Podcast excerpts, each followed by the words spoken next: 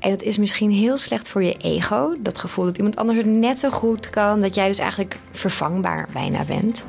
Heel slecht voor je ego. Heel goed voor je inbox en agenda. Want die worden opeens een stuk leger. Welkom bij Mindful Millionaire, de spirituele podcast voor zakelijk succes. Jouw bron voor inspiratie en inzichten op het gebied van zelfontwikkeling, business, carrière, spiritualiteit en groei. Hulp durven vragen. Ik zeg bewust durven, want ik vind het inmiddels echt iets dat heel veel moed vergt. Maar ik vond hulpvragen altijd een enorme sign van falen. Van dat ik het niet goed deed, dat ik het niet zelf kon. Ik vond het echt heel vervelend daarom ook om te doen. Maar inmiddels is dat veranderd. Nu zie ik het echt als iets moedigs, als iets moois, als iets dat je tot ontwikkeling brengt en iets waardoor je enorm kunt groeien. En ik vond het altijd zo moeilijk, denk ik, omdat een van mijn eerste woorden was ook zelf doen, zelf doen. En als kind zat dat er zo in dat ik altijd alles zelf wilde doen, dat ik me schaamde als ik iets niet zelf kon. Ik zat het heel trots als ik iets zelf kon. En dat groeide dan zo door toen ik ouder werd, terwijl ik ook alles zelf doen. En hulpvraag, ja, dat paste daar gewoon niet bij. Maar sommige dingen kun je gewoon niet alleen of zijn helemaal niet leuk om alleen te doen. En als mijn spirituele reis mij iets heeft geleerd, dan is het wel hoe belangrijk hulpvragen is en hoe fijn hulpvragen ook is. Want denk maar eens na aan een ander. Hoe fijn is het als jij iemand kan helpen? Dan voel je je mega nuttig, gewaardeerd. Je voelt die dankbaarheid van die ander. Dat is heel fijn. Dus waarom zou iemand anders jou niet mogen helpen? En door mijn hele spirituele reis ben ik veel meer in gaan zien hoe verbonden we allemaal zijn. En daardoor is dat elkaar helpen ook zo fijn. Maar ik was er dus mega slecht in. En nou ja, als je geen hulp durft te vragen of niet goed bent in dat vragen, dan wordt delegeren ook heel slecht. Dat wordt heel lastig, daar word je ook heel slecht in. Maar als iets je business kan laten groeien, dan is het wel delegeren. Want je hebt maar een beperkt aantal uren in een dag. En ja, je kunt steeds meer gaan werken, steeds meer uren. En daardoor groeien. Maar op een gegeven moment houden of het aantal uren in een dag minus je slaap. Of daar kun je ook op inleveren. Maar houd dat op. En dan kan je niet meer groeien. Of je valt om. Dat kan ook. En daar was ik een beetje mee bezig. Ik was maar zo hard aan het rennen en van alles zelf aan het doen. En op een gegeven moment dacht ik: nee, nee, nee, dit gaat niet meer. Ik moet het anders insteken. Maar goed, als je het lastig vindt om hulp te vragen, dan ben je er waarschijnlijk zoals ik ook heel erg slecht in. Misschien is het wel herkenbaar. Dan wil je iets delegeren. Heb je iemand ingehuurd of een VA of iemand in dienst genomen. Of aan een collega iets gedelegeerd. En dan gaat het niet goed. Nee, het gaat niet goed. Want je kon het net zo goed zelf doen. Of er zat net een foutje in. Of het was net anders dan jij het zou willen. Of het werd niet gedaan. Nou, het zijn allemaal dingen die je kan bedenken waarom het niet goed is. En dat had ik ook. Maar totdat ik echt bij mezelf ging kijken en dacht: de reden dat dit niet goed gaat. Want het ging ook echt niet goed. Maar de reden ligt er vooral in dat ik niet het weg kan geven. Dat ik dat vertrouwen niet kan geven. En dus ik al iets delegeer zo van oké, ik gooi het nu even over de schutting omdat ik geen tijd heb, maar doe het gewoon maar net als ik het doe. En ik ga dat controleren. Ja, dan is het voor die ander heel lastig om daar echt in te groeien, om daar zijn eigen ding van te maken. En dan krijg je dus ook iets waar iemand niet helemaal achter staat en wat dan dus net niet goed gaat, of net te laat is, of net anders. En dan denk je, ik had het ook net zo goed zelf kunnen doen. Maar ik heb echt geleerd door als ik uit vertrouwen delegeer, dus als ik echt weet van deze persoon gaat het op zijn manier doen en dat is helemaal oké. En als ik een soort systeem heb ingebouwd, waardoor ik wel weet, oké, ik krijg de update, ik weet dat het loopt en het gebeurt op die persoons manier, dan krijg ik wel die updates, maar dan heb ik niet het gevoel dat ik continu aan het controleren ben. En dan heeft die ander ook niet het gevoel dat hij gecontroleerd wordt de hele tijd. En dat is waar echt magische dingen gaan ontstaan. En dit is dus heel erg een mindset van vertrouwen. En ik heb dat echt een beetje door de yoga-filosofie geleerd. Dat gevoel van verbinding, we zijn één en vertrouwen dat het goed komt. Maar praktisch gezien, hoe heb ik dat gedaan? Nou, het was in mijn geval echt een struggle eerst intern van oké, nee, ik moet dit doen, want ik ben toch zo belangrijk. In dit bedrijf ben ik toch zelf.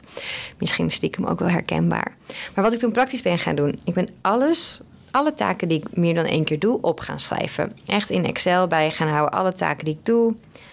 Allemaal onder een rijtje. En toen ben ik gaan nadenken: oké, moet ik dit echt zelf doen of kan iemand anders dit net zo goed? En het grappige is, 9 van de 10 keer kan iemand anders dit net zo goed. En dat is misschien heel slecht voor je ego. Dat gevoel dat iemand anders het net zo goed kan. Dat jij dus eigenlijk vervangbaar bijna bent. Heel slecht voor je ego. Heel goed voor je inbox en agenda. Want die worden opeens een stuk leger. En dat is zo fijn aan delegeren en hulpvragen. Als het eenmaal goed gaat, dan krijg je enorm veel ruimte. En die ander, de baan ja, waar je die voor je hebt ingehuurd, wordt ook opeens veel leuker. Want die kan opeens in zijn kracht gaan staan. In plaats van dat je het gevoel hebt, ja, dit wordt aan mij gedelegeerd. Dit wordt even naar mij doorgeschoven omdat ik geen tijd heb of omdat mijn opdrachtgever er geen zin in heeft. Nee, dan wordt het echt een cadeautje van nee, ik vertrouw jij je mee en jij gaat het gewoon helemaal op jouw manier rocken. Dat gaat ook iets met diegene doen. Dus het is echt een win-win situatie. Jij krijgt meer tijd, meer vrijheid. Die ander krijgt meer energie en het gevoel dat hij echt aan het creëren is in plaats van aan het uitvoeren. Oké, dus ik ben alles op gaan schrijven. Een hele lijst van alle dingen die ik vaak dan één keer deed. Dan gaan kijken, oké, kan iemand anders dit? Als het antwoord ja was, ben ik uit gaan schrijven hoe ik dat dan doe. Hoe ik dat dan doe en hoe die ander dat kan doen. Want waar het vaak op stuk loopt, is dat je zelf niet helemaal precies weet hoe je iets doet.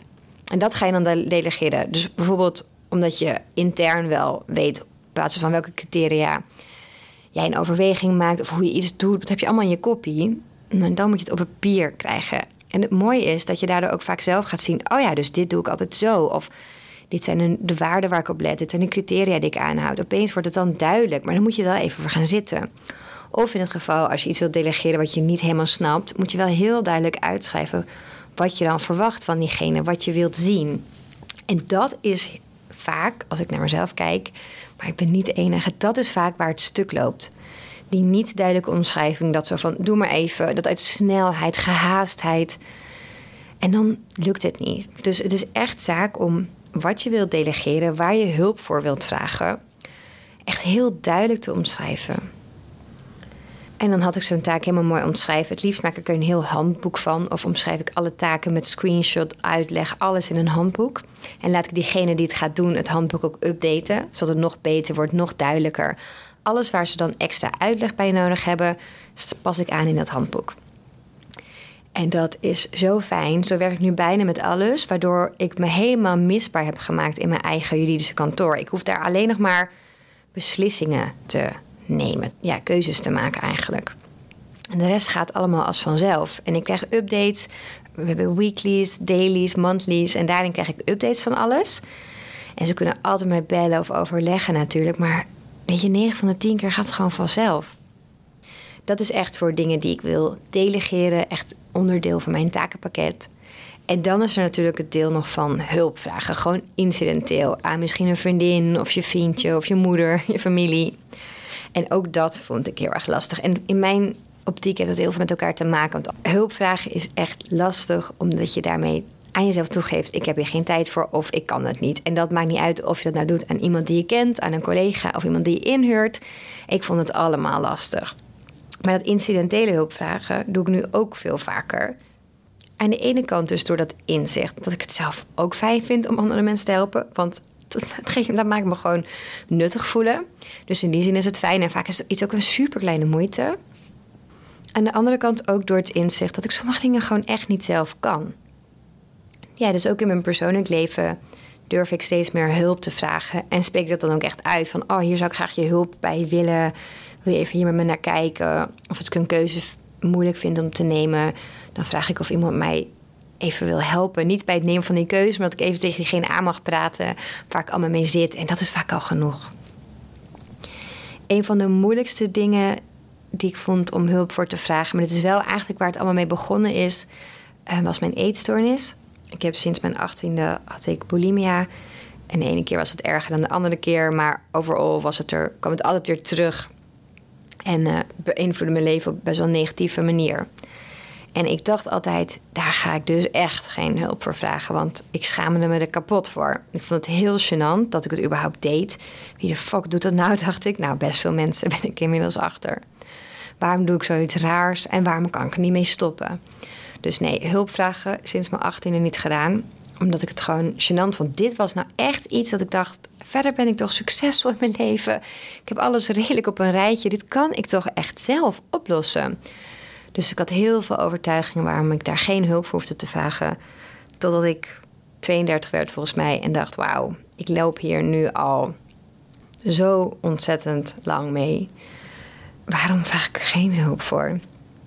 En ik had het verwacht dat als ik alles op een rijtje had, als ik een vriend had, een mooi huis, iets rustig in mijn baan, dat het allemaal goed zou komen. Maar ik had toen een vriendje en ik had een mooi huis en het begon iets rustig door met mijn werk. En alsnog was het erger dan ooit. Dus ik dacht, ja, dit is het dus niet. Hoe ga ik het dan oplossen? Want de reden dat ik geen hulp durfde te vragen was altijd dat ik dacht: het hoeft nu niet, het komt wel, straks kan ik het wel. En dat is misschien wel herkenbaar dat je denkt van nee, je kan het wel zelf, maar en dan heb je allemaal redenen waarom het nu niet lukt, maar waarom het later wel zou lukken. En opeens had ik dat inzicht van, ja, maar ik ben nu waar ik dacht dat het over zou zijn en het is gewoon totaal niet over.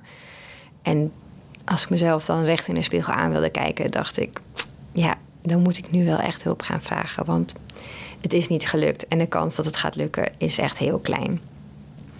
En ik vond het enorm gênant om hulp te gaan vragen. Maar ik heb toch gedaan, de dokter gebeld. En ik weet niet waarom. Ik zit al jaren bij dezelfde dokter, meer dan tien jaar. Ze altijd hele lieve meisjes aan de telefoon. En toen had ik een vreemde jongen. Ik dacht, nee, alsof het erg is om aan een jongen te bekennen, aan een man. Weet je, het slaat natuurlijk ook nergens op. En ik was helemaal aan het huilen, maar ik wilde doorzetten. Ik had met mezelf die belofte gemaakt. Ik ga vandaag hulp zoeken. Dus toch mijn verhaal gedaan wat hij er maar van kon verstaan... door tussen dat gejank door. En toen eh, kon ik gelukkig heel snel naar de dokter. Die was super lief. Daarna moest, je wel, moest ik wel maanden op een wachtlijst. Maar goed, ik had die drempel was ik overgestapt van hulp vragen. En echt het bizarre was, sinds ik dat besluit had genomen... is het al de helft minder geworden. En dat is zoiets raars, gewoon opeens dat gevoel... ik hoef het niet meer alleen te doen en ik ga er wel echt wel aan doen... was voor mij al de helft genoeg eigenlijk. Er viel als het ware echt een last van mijn schouders... En toen dacht ik, ja, maar dit is zo'n fijn gevoel en ik moet het echt vaker doen. Waarom heb ik zo'n hekel aan hulpvragen? En toen dacht ik ook van, ja, weet je, als ik het voor dit kan, het allergenantste waar ik het meest voor schaam in mijn leven, als ik hiervoor hulp kan vragen, dan moet ik ook echt niet zeuren. Dan moet ik ook gewoon in mijn zakelijke leven meer hulp gaan vragen. Dus voor mij was dat echt het begin van veel opener zijn, veel kwetsbaarder zijn en veel meer hulp durven vragen. Omdat ik het nu dus echt zie als iets durven. Maar goed, dat is dus stap 1, durven vragen. En stap 2 is dan wat ik net vertelde, alles duidelijk uitleggen. Ja, ik doe het lekker door elkaar. Dus één inderdaad hulp durven vragen. Dat zegt dat inzicht wat het je allemaal kan brengen. Dan het ook echt praktisch gaan doen. En daar de tijd voor nemen. Want hulpvragen is niet over de schutting gooien. Nee, dat is ook een actief proces eigenlijk. Om daar echt zelf zelf mee bezig zijn. Het vertrouwen te geven, uitleg te geven, zeggen wat je echt wilt. In plaats van een beetje tussenlijntjes door en hopen dat die ander het maar begrijpt. Nee, dat werkt vaak niet zo goed. Dus echt duidelijk zijn in wat jouw hulpvraag is. En het derde wat voor mij ook heel belangrijk is, is ook hulp durven inschakelen en daarvoor betalen. En dan bedoel ik niet alleen iemand voor je bedrijf inhuren of een VA voor je business voor je administratie, maar ook een schoonmaker die helpt met jouw huis heerlijk houden en daar gewoon voor betalen en je niet schuldig over voelen. Niet zo van, oh ik heb geen tijd. Nee, jij bent het gewoon waard om die hulp te vragen en om daarvoor te betalen. En in mijn werkende leven nu heb ik ook allemaal coaches om me heen verzameld, healers, mensen die me helpen groeien. En dat vond ik dan weer een heel nieuwe stap. Want eerst deed ik echt het praktische. Oké, echt puur het werk uit handen nemen. Wat ik moet doen voor mijn business. Dus de, echt de praktische kant.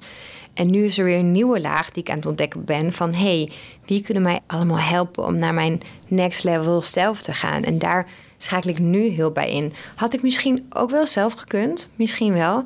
Maar dit is veel leuker. Dit is veel fijner. Dit gaat veel sneller. En ik vond het echt weer een brug om over te stappen van oké ik ga nu echt mensen inschakelen om mij te helpen groeien. Dus ik ben laatst bij een healer geweest. Ik heb iemand die mij helpt met het lanceren van mijn cursus en daar een soort cheerleader in is en helpt met sales en mijn energie hoog houdt en zorgt dat ik mezelf niet klein maak. Ik heb iemand die me helpt met spreken, het voorbereiden van de speech, maar ook het spreken zelf. Ik heb een Touch of Matrix coach die me helpt mijn oude ik eigenlijk achter me te laten en naar mijn nieuwe zelf te stappen. Ja, en dat voelt heel fijn. Echt, als je me dit vijf jaar geleden had gezegd, drie jaar geleden zelfs nog, dan had ik dat nooit, nou, wat zeg ik, een jaar geleden. Laat ik even niet zo stoer doen. Als je me een jaar geleden had gevraagd dat ik allemaal coaches en mensen om me heen had verzameld die me helpen te groeien, had ik gedacht: nee, joh, ik lees wel een boek en ik kan het wel zelf. Ja, ik lees nog steeds veel boeken en ik kan nog steeds heel veel zelf. Maar het is ook heel fijn om zo gedragen te worden. Dus ja, ik investeer nu echt in mezelf. En dat hoeft niet per se met allemaal dure coaches. Want ik snap ook dat niet iedereen daar geld voor heeft of voor over heeft. Dat heeft voor mij ook heel lang geduurd. Maar ook door cursussen te kopen, dat doe ik nu ook veel sneller. Dat ik denk, ja, toffe cursus, die ga ik gewoon doen. Ik gun me dat zelf en die helpt me weer te groeien. Ik schakel die hulp in. En het heeft heel lang geduurd. Ik ben inmiddels 34 dat ik durf te zeggen: ja, ik vraag gewoon hulp en ik geniet ervan en dat helpt mij. Je luisterde naar Mindful Millionaire, de podcast. Ik hoop dat deze episode je nieuwe inzichten, inspiratie en ideeën heeft gegeven. Mocht dat zo zijn, dan ben ik je super dankbaar als je deze podcast deelt, volgt, reviewt of een shout-out geeft op Instagram via Steffi Roos Dankjewel en tot snel.